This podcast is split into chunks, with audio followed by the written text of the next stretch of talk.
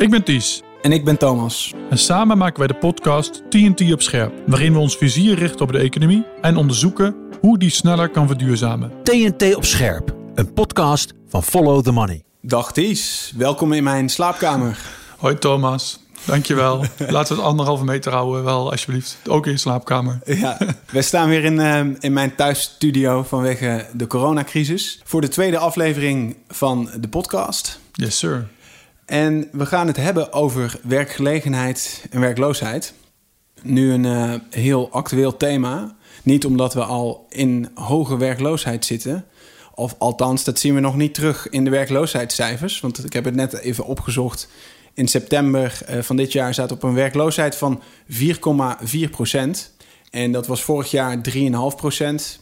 Dus dat valt nog mee. Valt nog relatief mee. Zeker gezien ja, de, de crisis uh, waar we toch in verkeren. Ja, maar iedereen zit natuurlijk gewoon thuis uh, met een inkomen van de overheid. Maar uh, ja, er is wel veel verborgen werkloosheid natuurlijk nu. Absoluut. En daarom, daarom is het ook zo'n belangrijk thema nu. Want normaal zie je dat meteen terug in de cijfers als mensen thuis zitten. Want dan ja, verliezen ze hun baan. Maar op dit moment hebben we dus heel veel verborgen werkloosheid. Nou, eigenlijk dus... zie je dat ook mooi in Amerika natuurlijk, toch? Uh, uh, is een andere regeling gekozen om die coronacrisis te lijf te gaan. En daar, uh, ja, de, die werkloosheid die rees de pan uit. Het ging naar 14, 15 procent volgens mij binnen een paar weken. Precies. Hier is dat uitgesteld met de, met de maatregelen. Maar dat wil natuurlijk niet zeggen dat al die mensen een baan blijven houden. Ja, en dat komt ook omdat wij natuurlijk een ander systeem hebben. We hebben uh, ons systeem zo ingericht dat er sociale vangnetten zijn. Dat je niet zomaar op, meteen op straat gezet kan worden. Wat in Amerika uh, makkelijker kan. Nou, dat helpt nu in ieder geval om, om uh, ervoor te zorgen dat mensen nog een baan hebben en nog een inkomen hebben. Ja, er is ook wel discussie over van doen we dat op de juiste manier. Ja. Dat, daar gaan we het vandaag ook over hebben. Zeker. Um, want, want een van de grote discussiepunten tijdens deze crisis was natuurlijk de steun aan, aan KLM. En daar Ja. was het werkloosheidsargument was een, een heel belangrijk argument om te zeggen we gaan KLM overeind houden, want zij zijn een belangrijke werkgever. Daar heb jij eerder al onderzoek naar gedaan. Ja, dus nee, ik ben benieuwd zeker. wat je, wat je daarvan uh, van vindt. Nou ja, kijk, dat was helemaal aan het begin van corona. Was, ik was eigenlijk toen bezig met het uitpluizen van de werkgelegenheidscijfers van KLM. Want op dat moment had Pieter Elbers een aantal keer uh, geroepen, de, dat is de baas van KLM, die had een aantal keer geroepen uh, dat de luchtvaart in Nederland goed is voor 370.000 banen. Dat stond ook in de, het jaarverslag van Schiphol onder andere. En voor corona losbrak in Nederland eigenlijk, was ik al bezig met het uitpluizen van, nou, hoe zit het nou eigenlijk met die cijfers en klopt dat wel? Nou, dat, uh, toen kwam corona en toen kwam er dus een, een staatssteun richting uh, KLM. Uh, met als argument werkgelegenheidsbehoud. Omdat anders heel veel mensen op straat kwamen te staan.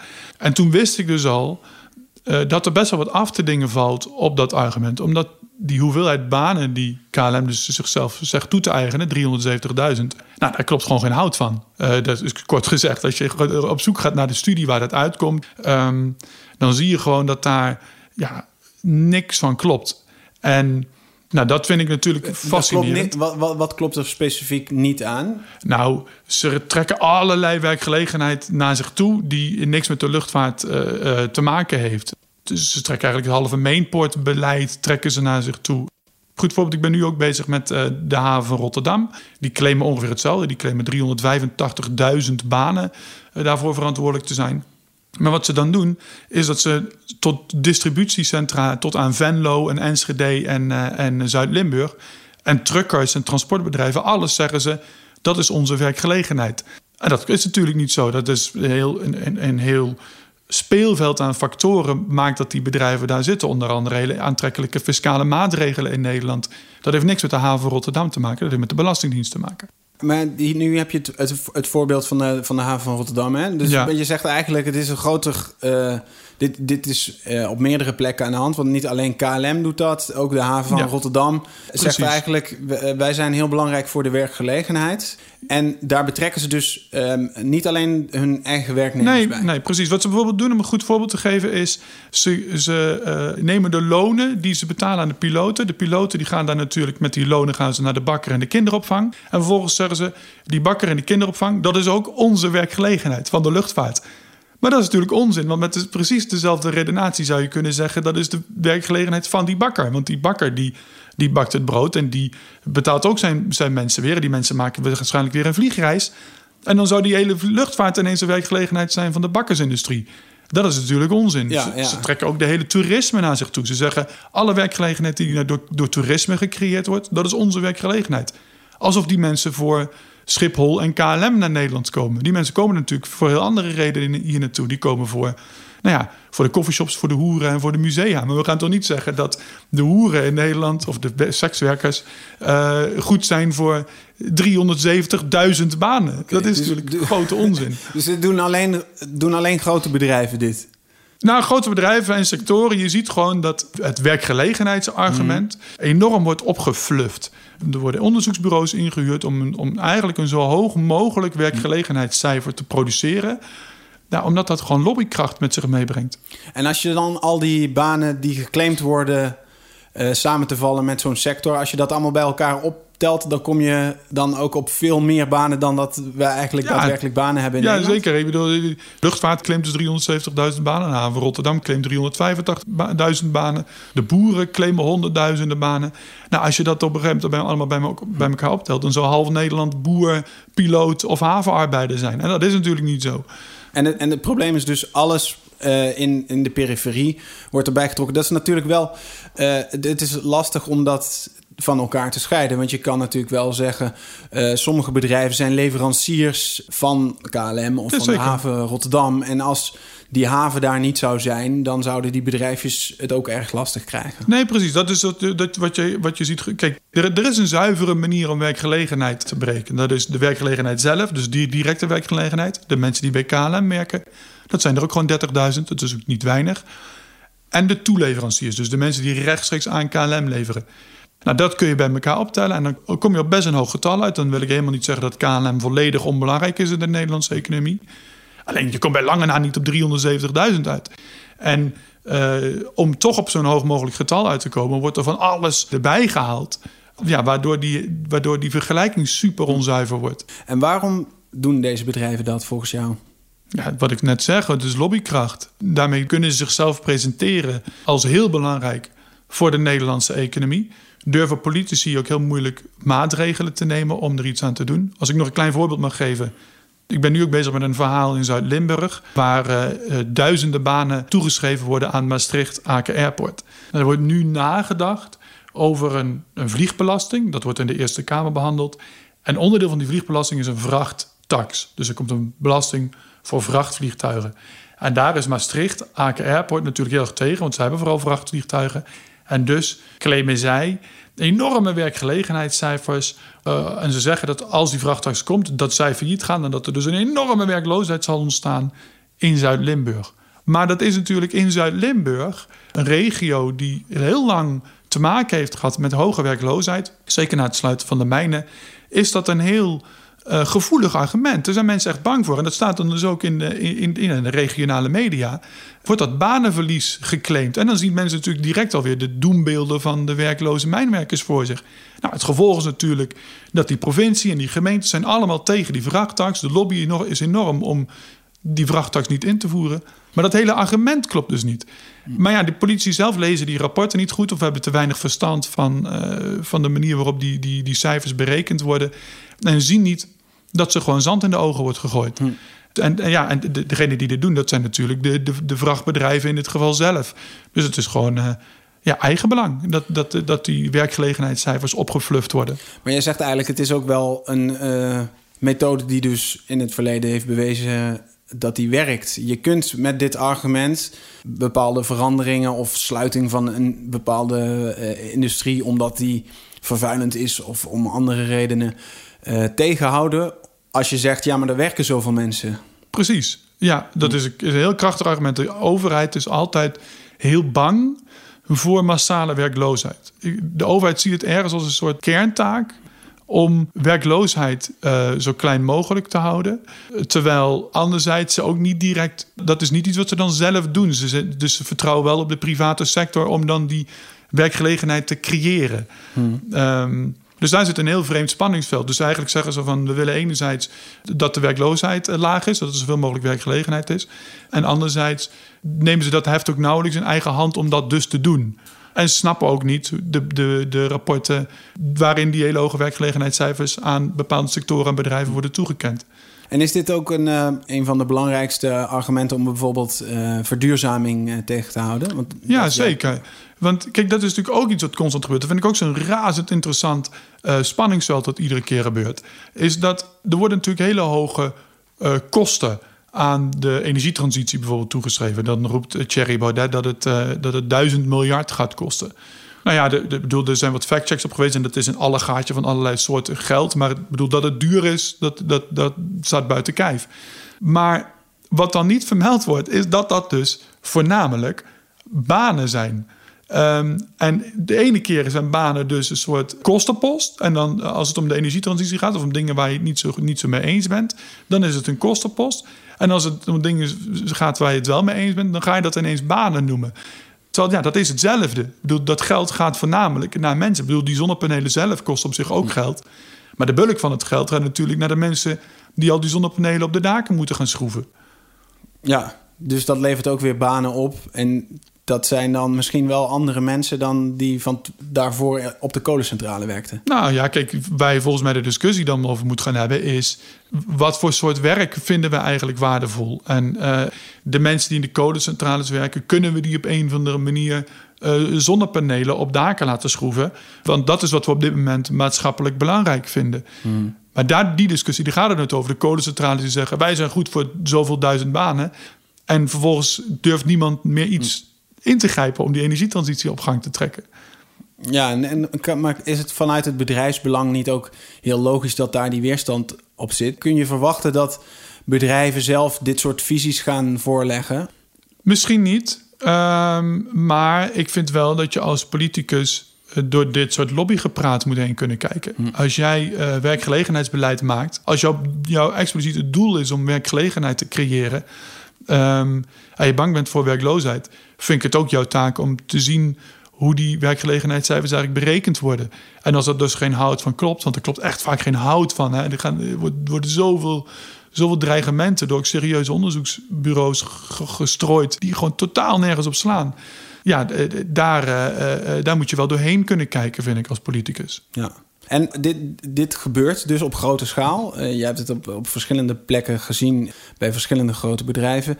Uh, we hebben dat ook bijvoorbeeld in de discussie over het verhuizen van hoofdkantoren. Um, de, de vestigingsklimaatdiscussie hebben we dit gezien. Uh, dat was een van de heikele punten om te zeggen... we gaan de dividendbelasting afschaffen vorig jaar... Om die bedrijven maar hier te houden... want ze creëren ook werkgelegenheid. Nou ja, kijk creëren is ook zo'n woord waar ik ook langzaam helemaal agressief van het worden ben. Want er wordt geen werkgelegenheid gecreëerd. Kijk, die, neem bijvoorbeeld die hoofdkantoren. Um, dan wordt gezegd bijvoorbeeld dat, uh, dat Philips bij Amsterdam is gaan zitten vanwege de aanwezigheid van Schiphol. Nou, zal Philips dat nooit zelf toegeven, want er zijn natuurlijk tienduizend redenen waarom ze in Amsterdam willen zitten, waarvan Schiphol er misschien eentje is. Maar dan nog is het verplaatsing van werkgelegenheid. Dat hoofdkantoor stond eerst in Eindhoven. Dat is niet alsof er ineens meer banen zijn gekomen. Want er komen niet meer hoofdkantoren bij in Europa. Eh, dus het aantal hoofdkantoren blijft gelijk. Het enige wat je doet is die krengen heen en weer verplaatsen. Hmm. En hetzelfde zie je bijvoorbeeld in Limburg gebeuren. Uh, ik was bijvoorbeeld aan het kijken naar die distributiecentra. Er zitten allemaal distributiecentra rond Venlo. Nou, dat is uh, beleid van Nederland. We willen dat uh, kennelijk graag, dat al die distributiecentra in Nederland gaan zitten. En nou, daar moeten mensen werken. En die distributiecentra zeggen dan, nou, wij zijn goed voor heel veel duizend banen. Maar dan ben ik dus gaan kijken van nou, wat voor mensen werken daar dan? En dan zegt zo'n eh, zo'n zo'n vrouw van Tempo Team, die dan verantwoordelijk is voor het invullen van, van die werkgelegenheid daar. Die zegt heel vrolijk van nee, en we scholen nu ook uh, vrouwen uit de zorg om tot heftruckchauffeur. Heel trots van kijk ons dus lekker uh, feministisch en emancipatoire mm. bezig zijn. En ik zit dan met mijn handen in mijn haar en denk ik, ja maar in de zorg is al een tekort aan mensen. Daar zijn we nu dus mensen uit aan het halen om in distributiecentra te zetten. Om de action in Duitsland te bevoorraden. En vervolgens zeggen we: nee, kijk, ons eens lekker werkgelegenheid creëren. Hm. Ja, dat is natuurlijk heel vreemd. Dat is geen creëren, dat is verplaatsen. Zelf, sterker nog, ik zou de morele uitspraken willen doen. Dat is verplaatsen van werkgelegenheid waar het eerst zinvol was in de zorg maatschappelijk zinvol was, zeker in coronatijd, naar een sector waar ik toch iets meer mijn vraagtekens bij heb van hoe zinvol het nou is dat we uh, fiscaal en uh, met investeringen ons uiterste best doen om zo efficiënt mogelijk de Duitse action te bevoorraden. Hm. Alleen nationalistisch gezien dan, want hè, we, we, meten de cijfers van Nederland. Wij hadden 3,5% werkloosheid. Dat was een laagte, uh, laagterecord. En in andere Europese landen is het veel hoger. Maar dat zien we toch niet als onze verantwoordelijkheid. Dus op zich is het wel logisch dat we die bedrijven dan naar Nederland willen trekken. Nou ja, kijk, kennelijk zien we het wel een beetje als onze verantwoordelijkheid. Want in die distributiecentra, naast die vrouwen in de zorg, uh, werken daar heel veel Polen en Roemenen. Want het werk is laag geschoold, het verdient heel weinig. Daar willen heel weinig Nederlanders willen dat werk doen. Dus wat we aan het doen zijn, is, is, is die distributiecentra hier neerzetten.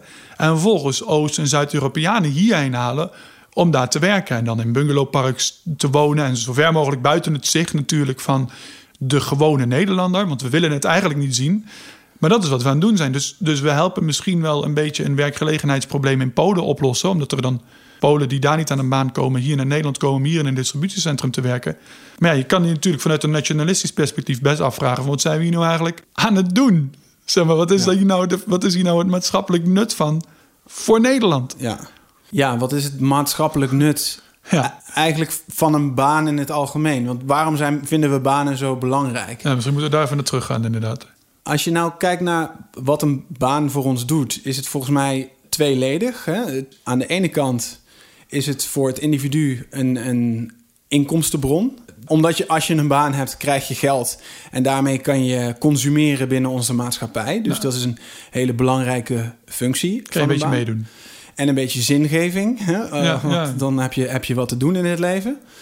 Het is ook een mensenrecht, uh, toch? Ja, ja, ja, dat zocht ik alsof ik dit allemaal al wist. Maar dat heb ik voor de podcast nog even opgezocht. Dat is artikel 23 van de mensenrechten. is recht op werk.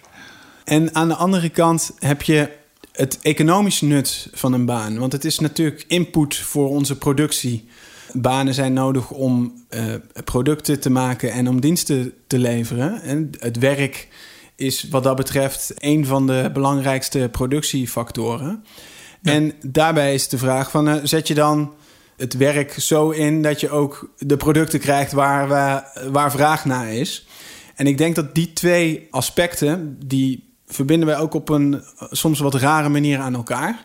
Want we hebben in onze maatschappij het zo ingericht dat het verhaal in ieder geval is dat als je uh, veel verdient. Dat stimuleert mensen om nuttige dingen te doen.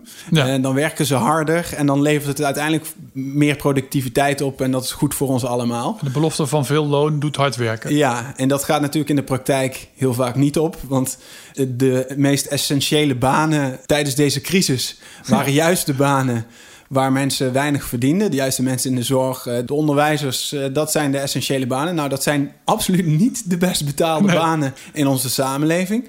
Terwijl we aan de andere kant banen in de financiële sector hebben... Uh, waar heel veel geld wordt verdiend... en waar eigenlijk alleen maar ontrokken wordt aan, aan de rest van de economie... die uh, niet echt reële productie opleveren... maar die vooral uh, ja, eigenlijk gedrag opleveren waar die personen dan heel rijk van worden, maar niet uh, de rest van de maatschappij. Dus dat is denk ik een belangrijk aspect waar het fout loopt. Dus de, dus, dus, dus de beloning die we mensen geven en het maatschappelijk nut, uh, wat ze toevoegen aan de maatschappij, dat zijn twee grootheden die uh, in ieder geval niet volledig overlappen. Zo, ja. we, we, geven niet degene die het grootste maatschappelijke nut heeft, die geven we niet altijd het meeste geld. Ja. Sterker nog, ik kan nog een aantal voorbeelden verzinnen van mensen die maatschappelijk nuttig bezig zijn, die helemaal geen geld krijgen. Precies. Zoals moeders of voetbaltrainers of ja, uh, en vrij, vrijwilligerswerk is ook heel belangrijk. Hè? Dus mensen, mensen hebben, kunnen op uh, heel veel bijdragen aan nuttige dingen waar ze niet voor betaald krijgen. Dus deze koppeling, daar gaan wij, uh, vind ik, iets, iets te gemakkelijk vanuit. Dat als je meer betaalt, dan wordt het vanzelf, gaan mensen zich nuttig inzetten. En we onderschatten hoe nuttig mensen kunnen zijn zonder dat ze daarvoor een financiële beloning krijgen. Ja, eigenlijk zie je gewoon hier dus weer, ja, alsof dat een verrassing is ook eigenlijk. Maar eigenlijk zie je dus weer heel erg doorgeslagen markt denken. Dat als, als de markt voor een, voor een zekere beloning zorgt, dan gaan we ervan uit dat dat vanzelfsprekend wel maatschappelijk uh, zinvol zou zijn ook. Zoals die vrouwen die in de zorg werkzaam waren en die nu heftruckchauffeur worden en daar ongetwijfeld iets meer verdienen. Dan gaan we er dus ook vanuit dat dat iets maatschappelijk zinvoller is. ja. Terwijl dat natuurlijk helemaal niet zo is. Ja, en eh, ik denk dat dit dus een belangrijk vraagstuk is om over na te, te denken. Wat we te weinig doen en waar nu eigenlijk wel de gelegenheid voor is. Want wat we op dit moment doen, is mensen doorbetalen. Ja. eh, het inkomen verschaffen zonder dat daar productiviteit tegenover staat in, in, in die gevallen. Omdat een deel van de economie stil ligt. Dus, eigenlijk hebben we nu, sorry dat ik je onderbreek, maar eigenlijk hebben we nu die ontkoppeling nog groter gemaakt. We hebben eigenlijk dus het maatschappelijk zinvol zijn. Nou, dat is bij heel veel mensen moeten ze nu, kunnen ze nu niks doen omdat ze, er een lockdown is. Maar ze krijgen wel geld, dus we hebben dat inkomen herverdelen en het productief en zinvol bezig zijn, hebben we volledig losgekoppeld van elkaar. Ja, en daar, daarmee gaan we heel erg uit van de oude wereld. Want als je al een baan had, dan krijg je nu het volledige bedrag, althans tot een limiet, geloof van 9000 euro doorbetaald. Als je geen baan had, dan krijg je nu nog steeds het mi- minimum eh, bijstandsniveau doorbetaald. Dus we gaan daarbij heel erg uit van hoe de wereld voor corona was. En zo voeren we nu in ieder geval op het inkomenniveau gaan we door ook tijdens corona. Terwijl die productiviteit die er normaal gesproken tegenover staat, hè, dat je ook dan daadwerkelijk dat werk levert, die is nu even helemaal losgekoppeld. En daar moeten we denk ik ook bij stilstaan in het nadenken over de toekomst. Want die productiviteitsgroei, hè, hoe kunnen wij eh, meer produceren door dat werk op, op de juiste plekken in te zetten. Dus maatschappelijk Ja. zinvolle manieren. Mhm. En nou, daar, daar vertrouwen we nu ook voor een groot deel op dat dat via eh, de wetten van vraag en aanbod vanzelf wel goed komt. Hè? En, Ja. en, en in zekere zin ja, gebeurt dat ook. Hè? Als, als, eh, als wij met z'n allen meer Chinese plastic producten willen hebben, ja, dan, dan gaan er meer mensen in die sector aan het werk. Dan komen er ook productiecentra eh, naar Nederland en creëren we daar werkgelegenheid. En eh, dan Ja. komt dat niet op andere plekken terecht. Dus zoals ik het zie, zou het ook belangrijk zijn om daar wat meer eh, een, een rol voor de overheid weg te leggen. In het uitdenken van wel- welke maatschappelijk nuttige eh, werkgelegenheid kunnen we creëren. Die misschien ja, wat minder gericht is op puur. eh, ja, ja nou, ik, ben, ik ben blij dat je dat, dat je dat laatste nog even zegt. Want ik ben niet helemaal een beetje... je- Het lijkt een beetje alsof je suggereert dat die distributiecentra... in een soort lacune van regels en eh, geldstromen ontstaan. Dat er nou eenmaal veel vraag is naar Chinese producten... en dat er daarom nu noodzaak is aan distributiecentra... en dat die daarom nu eenmaal hier in Nederland eh, op uit de grond poppen. Maar dat is natuurlijk helemaal niet zo. Er is al een hele actieve overheid die allerlei eh, wetten en geldstromen en investeringen in infrastructuur zo organiseert. eh, en, en de Belastingdienst zo organiseert dat ze hier in Nederland plaatsvinden. Dus het is niet zo alsof er nu ineens vraag is aan een overheid die eindelijk eens iets gaat doen. Er is niet vraag om meer overheid.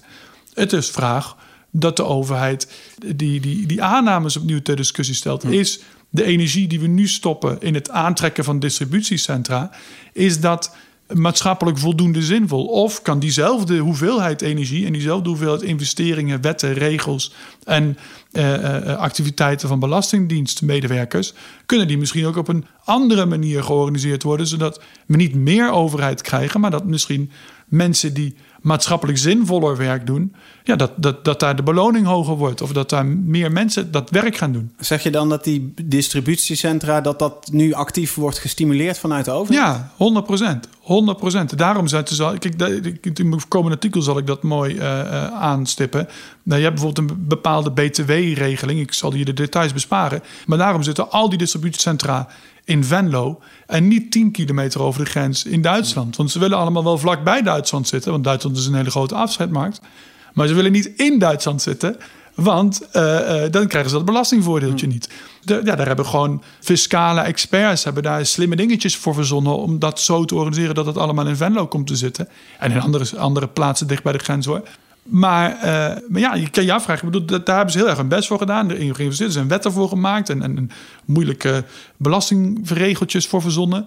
Terwijl die energie en die regeltjes hadden ook op een andere manier georganiseerd kunnen worden. Zodat niet mensen vanuit de zorg in distributiecentra gaan werken, maar vanuit distributiecentra in de zorg. Hm, Oké, dit had ik nog niet zo eh, scherp, maar dan lijkt het eigenlijk wel eh, meer op hoe dat dan bijvoorbeeld ook bij vliegtuigmaatschappijen gebeurt. Dat we het vliegen erg stimuleren met fiscale voordelen, dat soort zaken. Ja, ja, precies. Vaak wordt dan de, de, de claim gelegd uh, alsof ondernemers het zo moeilijk hebben, maar dan komen er nog meer regels van de overheid bij. Maar dat is vaak helemaal het verhaal niet. Er is al een hele grote set regels, die duwt ons al een bepaalde kant op, volgens mij. En je moet je vraag afstellen of, of dat niet een iets andere kant op zou moeten. Maar dat vraagt niet om een grotere of een kleinere overheid. Het gaat gewoon om een, om een paradigmaverwisseling of, of ja, een ander vizier, je vizier opnieuw afstellen. Geef er maar een analogie aan. Oké, we even terug naar, naar het begin. Ja, is goed. De werkloosheid, die is er eigenlijk al. En straks valt die steun weg van de overheid. En dan gaan bedrijven gewoon in de kosten snijden. Ja. En dan zullen we dat ook in de cijfers gaan zien. Dan stijgen de werkloosheidscijfers. Ja. En, ja, Wat gaan we dan doen? Welke paradigmaverschuiving is er dan nodig, denk jij? Nou, kijk, wat ik verwacht is dat we over een aantal weken of maanden zien we dat die... Hoeveel was werkloosheid nu ook weer? 4,4 procent. Nou, dan is dat straks gaat dat naar 6,2 en dan 7,3. En iedere keer zullen er paniekkoppen staan in de kranten... en zullen we helemaal... In, oh, help, iedereen raakt werkloos en iedereen moet weer werken. En mijn punten zijn, in plaats van te streven dat die mensen gaan werken... dat we ons de vraag moeten stellen... Wat willen we dat ze gaan doen? Waar willen we dat die mensen mee bezig zijn? En eh, weet je, daar, daar moet het antwoord op geformuleerd worden.